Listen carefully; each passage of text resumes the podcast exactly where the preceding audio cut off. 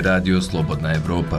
Program za Bosnu i Hercegovinu. Na vratima Evrope. Emisija o evropskim integracijama.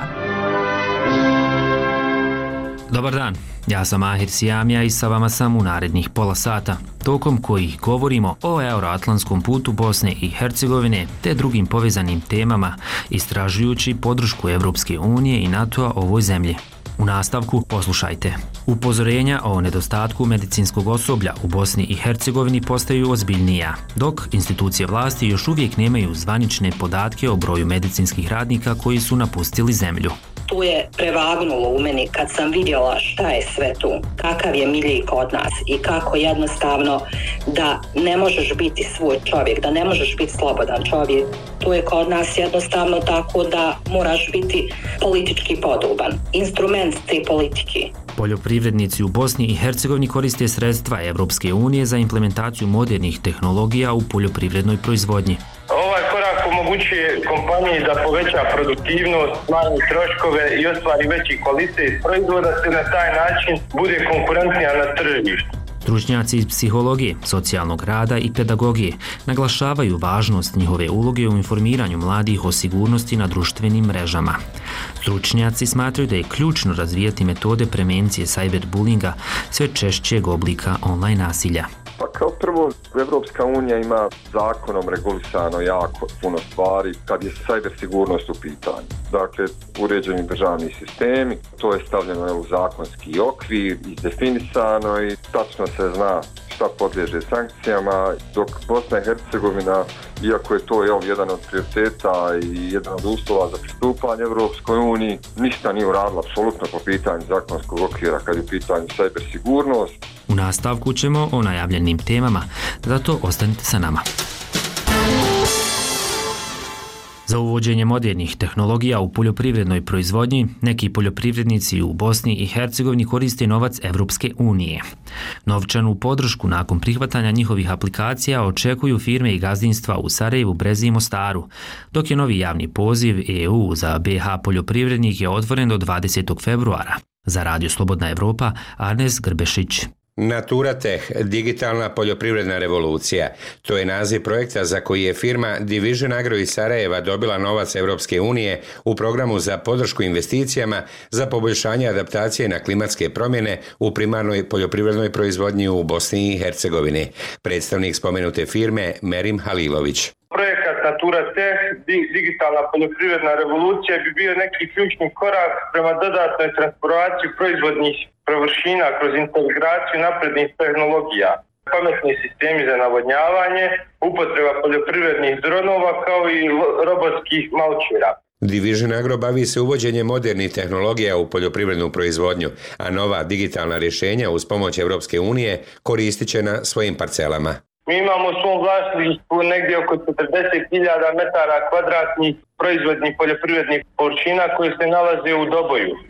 Ono što bi bio neki značaj projekta za, za, za kompaniju Division Agro, on se ogleda u samoj viziji kompanije koja jeste da postane lider u promociji digitalne poljoprivrede. Podršku Europske unije u ovom programu dobila je i plantaža Baš Bašča u Brezi. Njen vlasnik Šefke Trustanović očekuje postavljanje lovca na mrazeve. A radi se o tome da je recimo kod nas jako izražen mraz i jako su izražene elementarne nepogode. Evo ja sam do sada radio to zadimljavanje i to zadimljavanje je meni pokazalo jako dobru stvar. Međutim, e, znate kako to izgleda. Iznenadi vas i mraz i onda vam uništi ono što vi gajite godinu dana. Jer ipak 14.500 stavova nije malo da bi se prepustilo tek tako stihi. I onda sam počeo razmišljati kako riješiti. Evo, našli smo jedno rješenja. Mislim da je to prvi Novi Zeland odradio e, kao vjetrenjaču to je, ja ga zovem helikopter, to je e, lovac na mrazeve. Praktično e, gdje, gdje prepelerima svojim stvara e, takav zrak da otjera mraz, iako je temperatura niska, ali nema mraza koji bi pao na behar, koji bi uništio behar i to je ta sprava koja otprilike košta oko 100.000 maraka. Rustanovićevo gazdinstvo prostire se na 10 hektara. Na plantaži u Brezi i ranije su realizovani projekti uz podršku Europske unije. Njihov cilj bio je modernizacija prerade. Tražio sam određene mašine koje su mi potrebne za, za proizvodnju da bi unaprijedio proizvodnju i povećao produktivnost. Tako da sam e, ranije aplicirao i dobio sam onaj barboter koji je prava sprava za čišćenje, odnosno za pranje, zatim mašina za mljevenje, zatim presa i petračna presa, pasterizator, zatim ponelicu i čeplicu, a nabavio sam još neke e, lične mašine kao što je etiketirka i sterilizator. Finansijsku podršku Europske unije za digitalizaciju je dobila i firma AgroHertz Organic Agriculture iz Mostara. Njen predstavnik Rami Zajmović kaže da se radi o novim tehnologijama za navodnjavanje. Budući da smo slice navodnjavanja smo mi počeli razvoditi cijevi, pumpe, ventile, bazen smo napravili jedan i tako razne sisteme, međutim kroz projekat EU for Agri smo uspjeli da dobijemo da čitav taj kompletan sistem e, napravimo jedan moderno digitalno rješenje, bežični sistem upravljanja korištenjem LoRa van tehnologije za kompletan sistem navodnjavanja. Na ovaj način, pored ostalog, mogu se pratiti i eventualni gubici u sistemu za navodnjavanje. Pošto se radi o većoj površini, ne možemo stalno kontrolirati koliko se šta vode ispušta, pa smo stavili i dodatno mirače protoka na svaku zonu. Firma AgroHertz Organic Agriculture iz Mostara upravlja sa 160 hektara zemljišta. Zapravo ovdje je brdo pretvoreno u poljoprivredne parcele nakon osnivanja firme, objašnjava Rami Zajmović. I počeli prerađivati znači neplodno zemljište pašnjak sedme klase da bi dobili obradivu poljoprivrednu površinu. I uspjeli smo, evo, to je krenulo 2018. godine, evo sad se u proteklih pet godina, evo da kažemo, smo već preko 100 hektara preradili bili su to neki od primjera domaćih poljoprivrednika koji su uspjeli da dobiju novčanu pomoć Europske unije za uvođenje novih tehnologija koje olakšavaju i podižu poljoprivrednu proizvodnju na kvalitetni nivo. Sredinom decembra Europska unija objavila je novi javni poziv za investicije u primarnoj proizvodnji u Bosni i Hercegovini na koji se zainteresovani mogu prijaviti do 20. februara. Iz Doboja za radio Slobodna Europa Arnes Grbešić.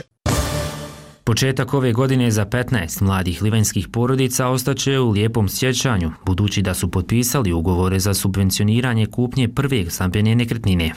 Za tu svrhu planirane dvije stotine hiljada maraka, a jedan od uslova je da nekretnina, koja je predmet subvencije, neće biti otuđena najmanje pet godina, javlja Željka Mihajljević. Odluka o subvencioniranju stjecanja prve stambene nekretnine sa stotinu maraka po kvadratnom metru do 65 kvadrata stambene površine donesena je kako bi se pomoglo i potaknulo mlade ljude da ostanu u svom gradu.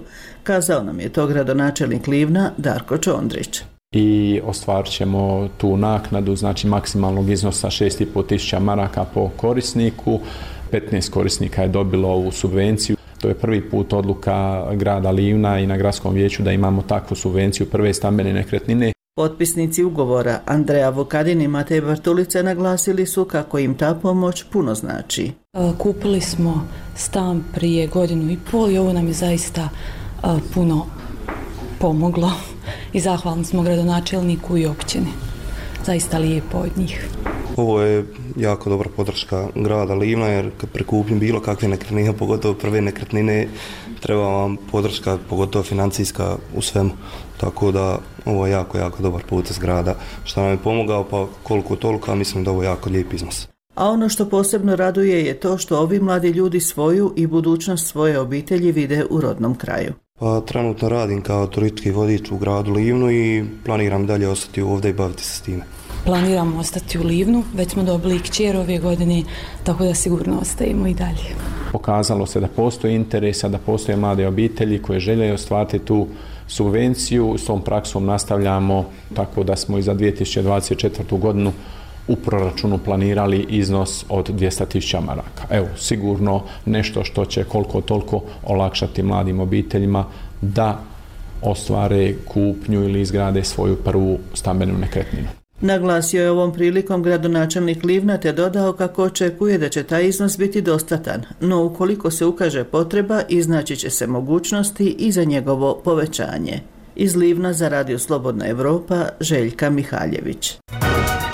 Radio Slobodna Evropa, emisija o evropskim integracijama. Na vratima Europe. Institucije vlasti u Bosni i Hercegovini nemaju zvanične evidencije o broju medicinskih radnika koji su napustili zemlju. Unatoč sve glasnijim upozorenjima da zdravstvenim ustanovama nedostaje kadrova i da bi problem u budućnosti mogao eskalirati. U publikaciji Međunarodne organizacije za migracije iz 2022. godine procjenjuje se da je u iz Bosne i Hercegovine u posljednjih pet godina otišlo hiljadu doktora medicine i dvije stotine doktora specijalista. U posljednjoj deceniji najviše ih iseljava u Hrvatsku, Njemačku, Sloveniju i Srbiju. Tema Marije Augustinović. Zdravstvo pod političkom kontrolom, obstrukcije i nezadovoljni pacijenti. To su razlozi zbog kojih je liječnica Azra Imširović u septembru prošle godine napustila Bosnu i Hercegovinu i direktorsku poziciju u Domu zdravlja i karijeru nastavila graditi u Sloveniji. Tu je prevagnulo u meni kad sam vidjela šta je sve tu, kakav je milji kod nas i kako jednostavno da ne možeš biti svoj čovjek, da ne možeš biti slobodan čovjek to je kod nas jednostavno tako da moraš biti politički podoban. Instrument te politike. Kao doktorica porodične medicine, a potom i kao direktorica Doma zdravlja, Azra je u Srebreniku radila 17 godina. Otkaz je dala u maju prošle godine, a na intervju za posao u Sloveniji prijavila se putem agencije koja je objavila oglas da ta zemlja traži ljekare. Dva dana nakon razgovora ponuđen joj je posao u tri slovenska doma zdravlja, a izabrala je onaj u Mariboru. Oni su daleko ispred nas, otišli u svemu, mislim, e, specijalista poročne medicine ima velike mogućnosti i ovlasti, da nisi samo kao skretničar ili pisar. Svjetska zdravstvena organizacija procijenila je da će se do 2030. godine pojaviti globalni nedostatak od 18 miliona ljekara i medicinskih sestara. Taj trend će pogoditi uglavnom zemlje s nižim dohodkom. Marina Berberović, predsjednica Saveza strukovnih sindikata doktora medicine i stomatologije Federacije BiH, kaže da je nedostatak doktora evidentan, dok istovremeno rastu potrebe građana. Nažalost, to vodi u liste čekanja onda i to ostalo nezadovoljstvo, jer kad nemate dovoljan broj radnika, a imate veliki broj zahtjeva za njihovim uslugama, to dovodi do preopterećenja zdravstva. Biće nas sve manje koji smo u mogućnosti pružati usluge stanovništvu federacije, tako da mislim da je vrijeme da krenemo i unaprijed razmišljati, raditi planove specijalizacija, da se one raspisuju na vrijeme, iz entitetskih ministarstava zdravstva nisu odgovorili na upit Radija Slobodna Europa za razgovor o broju medicinskih djelatnika koji su odselili u inostranstvo, kao i o koracima koje poduzimaju da nadomjeste taj gubitak. Hairija Maksić, predsjednica udruženja pedijatara u BiH, kaže za Radio Slobodna Europa da se nameće pitanje tko će u budućnosti liječiti građane.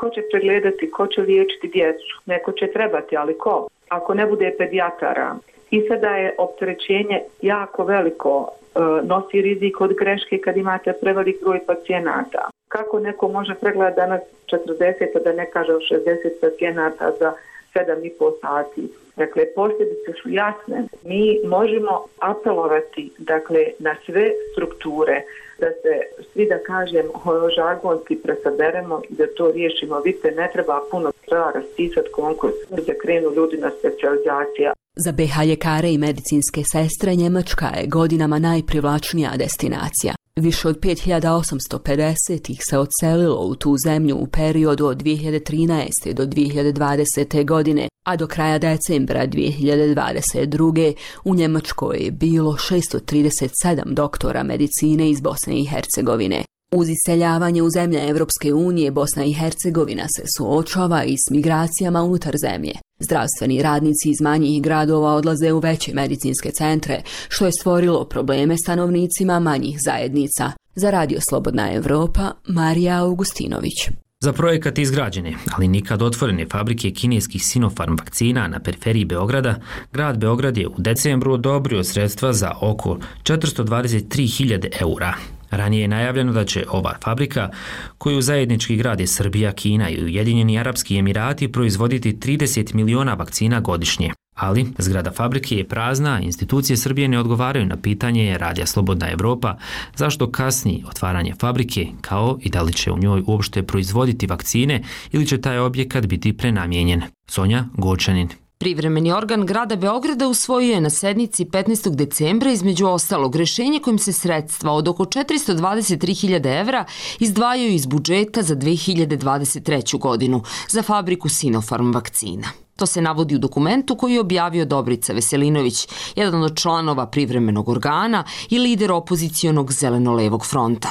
Sredstva su namenjena za tehničku dokumentaciju za uređenje saobraćajne infrastrukture koja vodi do fabrike. Iz grada Beograda nisu odgovorili na pitanja Radio Slobodna Evropa o odluci da se ova sredstva utroše na fabriku vakcina koja ne radi, kao ni pitanje koliko je ukupno sredstava do sada uloženo iz lokalnog budžeta. Prema podacima iz Republičkog budžeta Srbije na izgradnju fabrike i prateću infrastrukturu utrošeno je više od 36 miliona evra.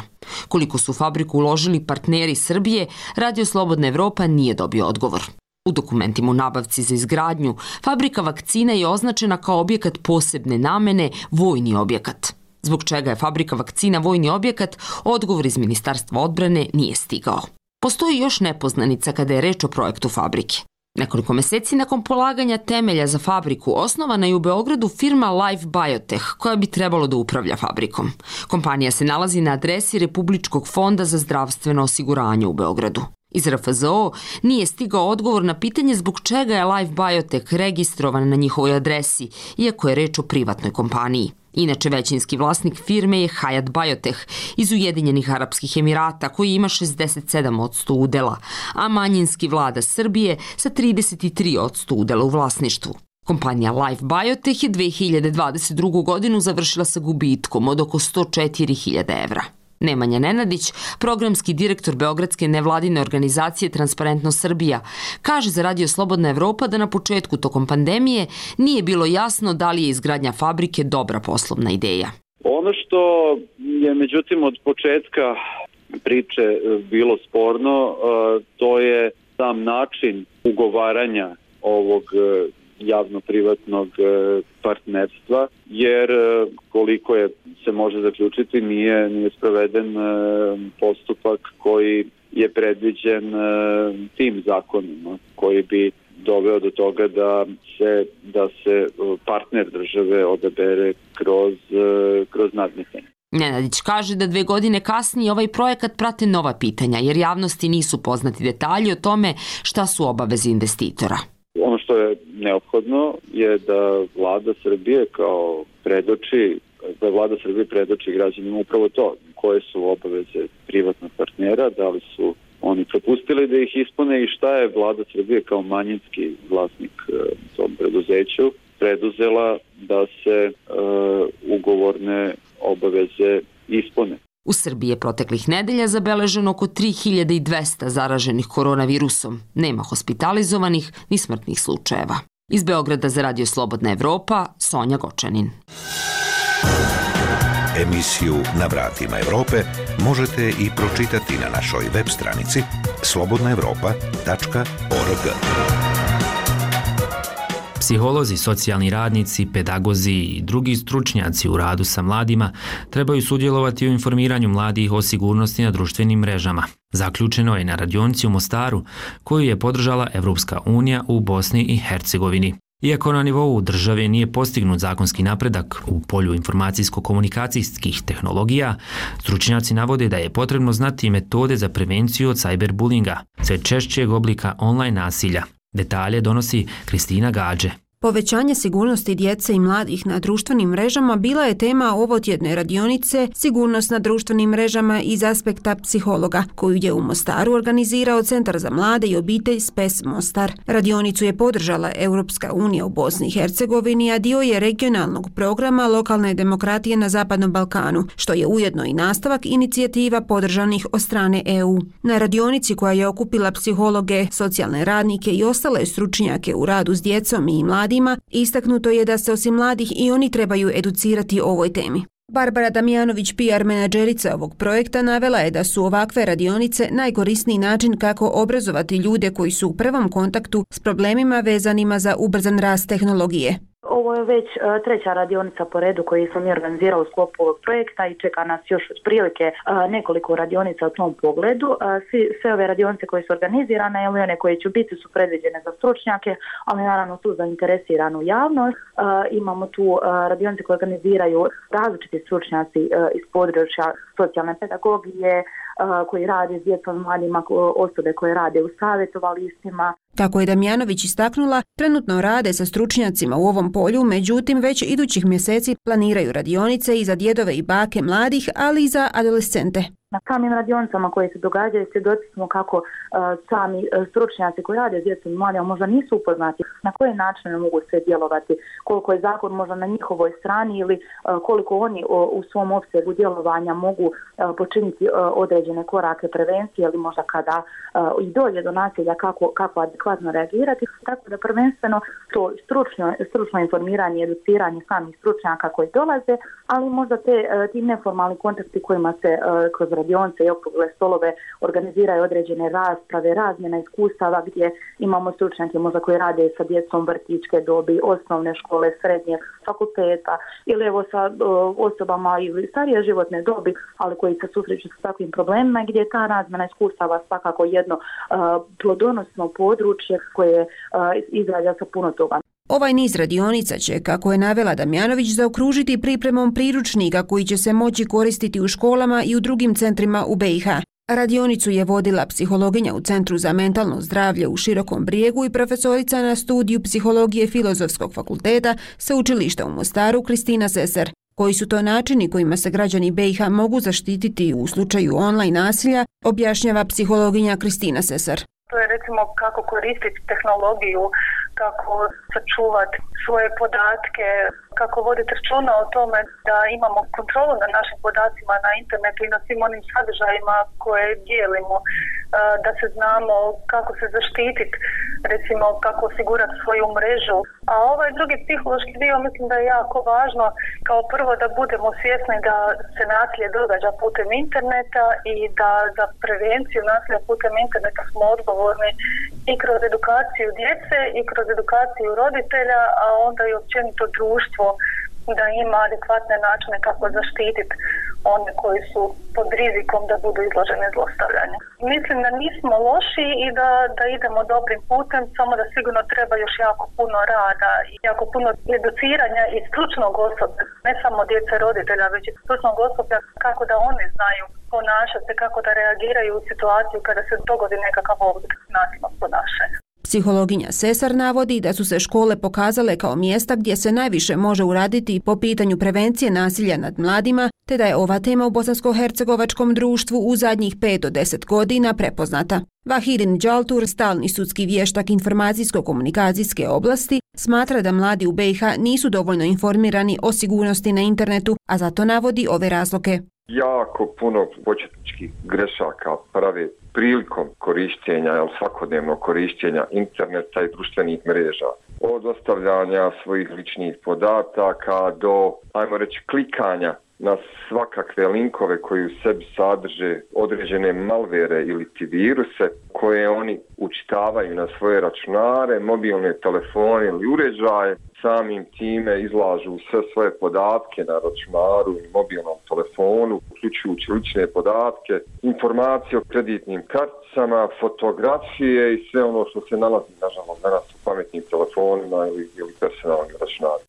Kako je Đaltur istaknuo, BiH nije postigla značajan napredak u zakonskoj regulaciji sigurnosti na internetu, a odlazak kvalitetnog stručnog kadra koji je neophodan da upravlja opremom za zaštitu samih sistema u zemlje Europske unije onemogućava napredak BiH u ovom polju. Pa kao prvo, Evropska unija ima zakonom regulisano jako, jako puno stvari kad je cyber sigurnost u pitanju. Dakle, uređeni državni sistemi, e, to je stavljeno u zakonski okvir, izdefinisano i tačno se zna šta podliježe sankcijama, dok Bosna i Hercegovina, iako je to jel, jedan od prioriteta i jedan od uslova za pristupanje Evropskoj uniji, ništa nije uradila apsolutno po pitanju zakonskog okvira kad je u pitanju cyber. Tako da mi kaskamo jako puno i nije to stvar koju vi možete danas i da je stavite u zakon treba neko ko će implementirati, ko će voditi računa, ko će obezbijeti sisteme Na nivou BiH ne postoje zakoni kao ni strategija u oblasti informacijske sigurnosti. Vlada Federacije BiH je 2022. godine na prijedlog Federalnog ministarstva prometa i komunikacija utvrdila nacrt zakona o informacionoj sigurnosti Federacije BiH kojim bi se cyberbullying uvrstio kao kazneno djelo, no tada nema ozbiljnijeg napretka.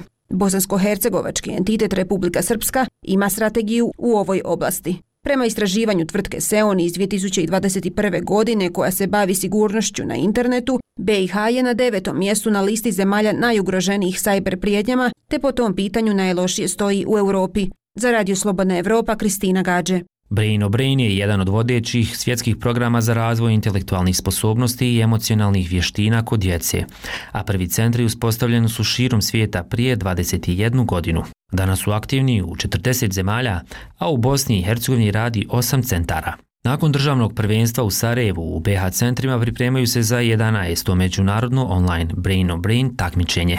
Za Radio Slobodna Evropa Azra Bajrić. U Brain Brain centar Cazinca državnog takmičenja stiglo je rekordnih 18 priznanja i medalja, 9 šampionskih, 4 zlatne i 5 srebrnih.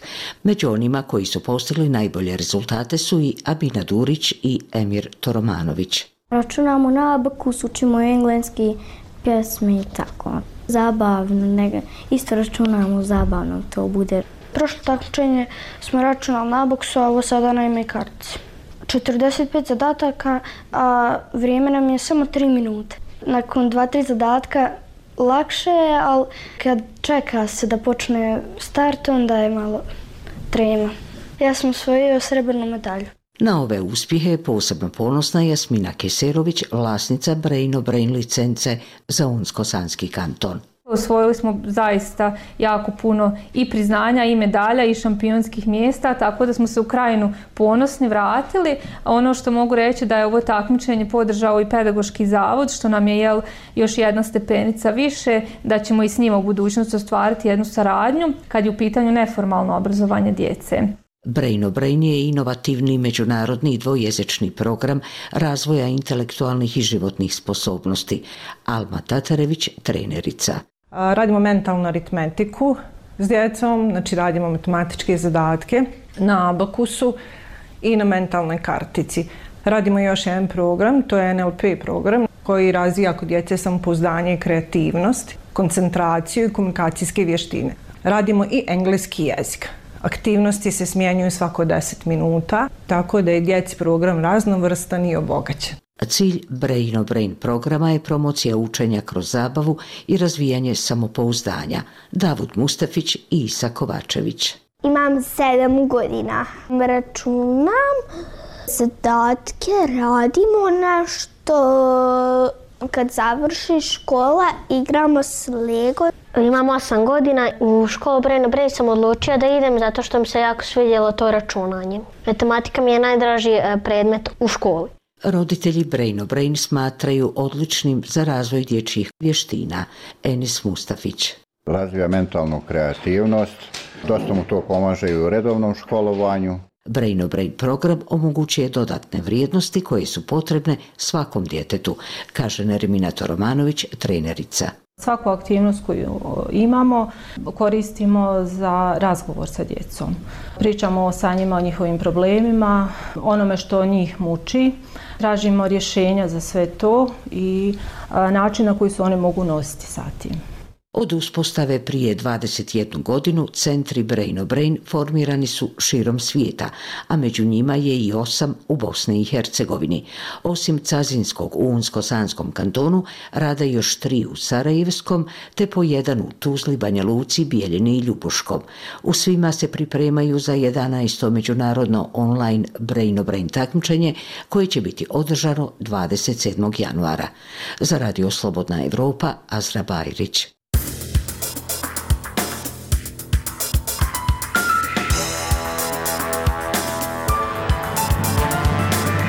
Bilo je to sve što smo pripremili ovom izdanju emisije Na vratima Europe. Ostale naše sadržaje možete pronaći na web stranici slobodnaevropa.org, dok podcaste zaviri ispod površine, glasom mladih između redova, osim na web sajtu, potražite i na Facebooku i Twitteru, kao i na Spotifyu, Google podcastima i iTunesu. Sa vama su proteklih pola sata bili Svjetlana Petrović i Mahir Sijamija.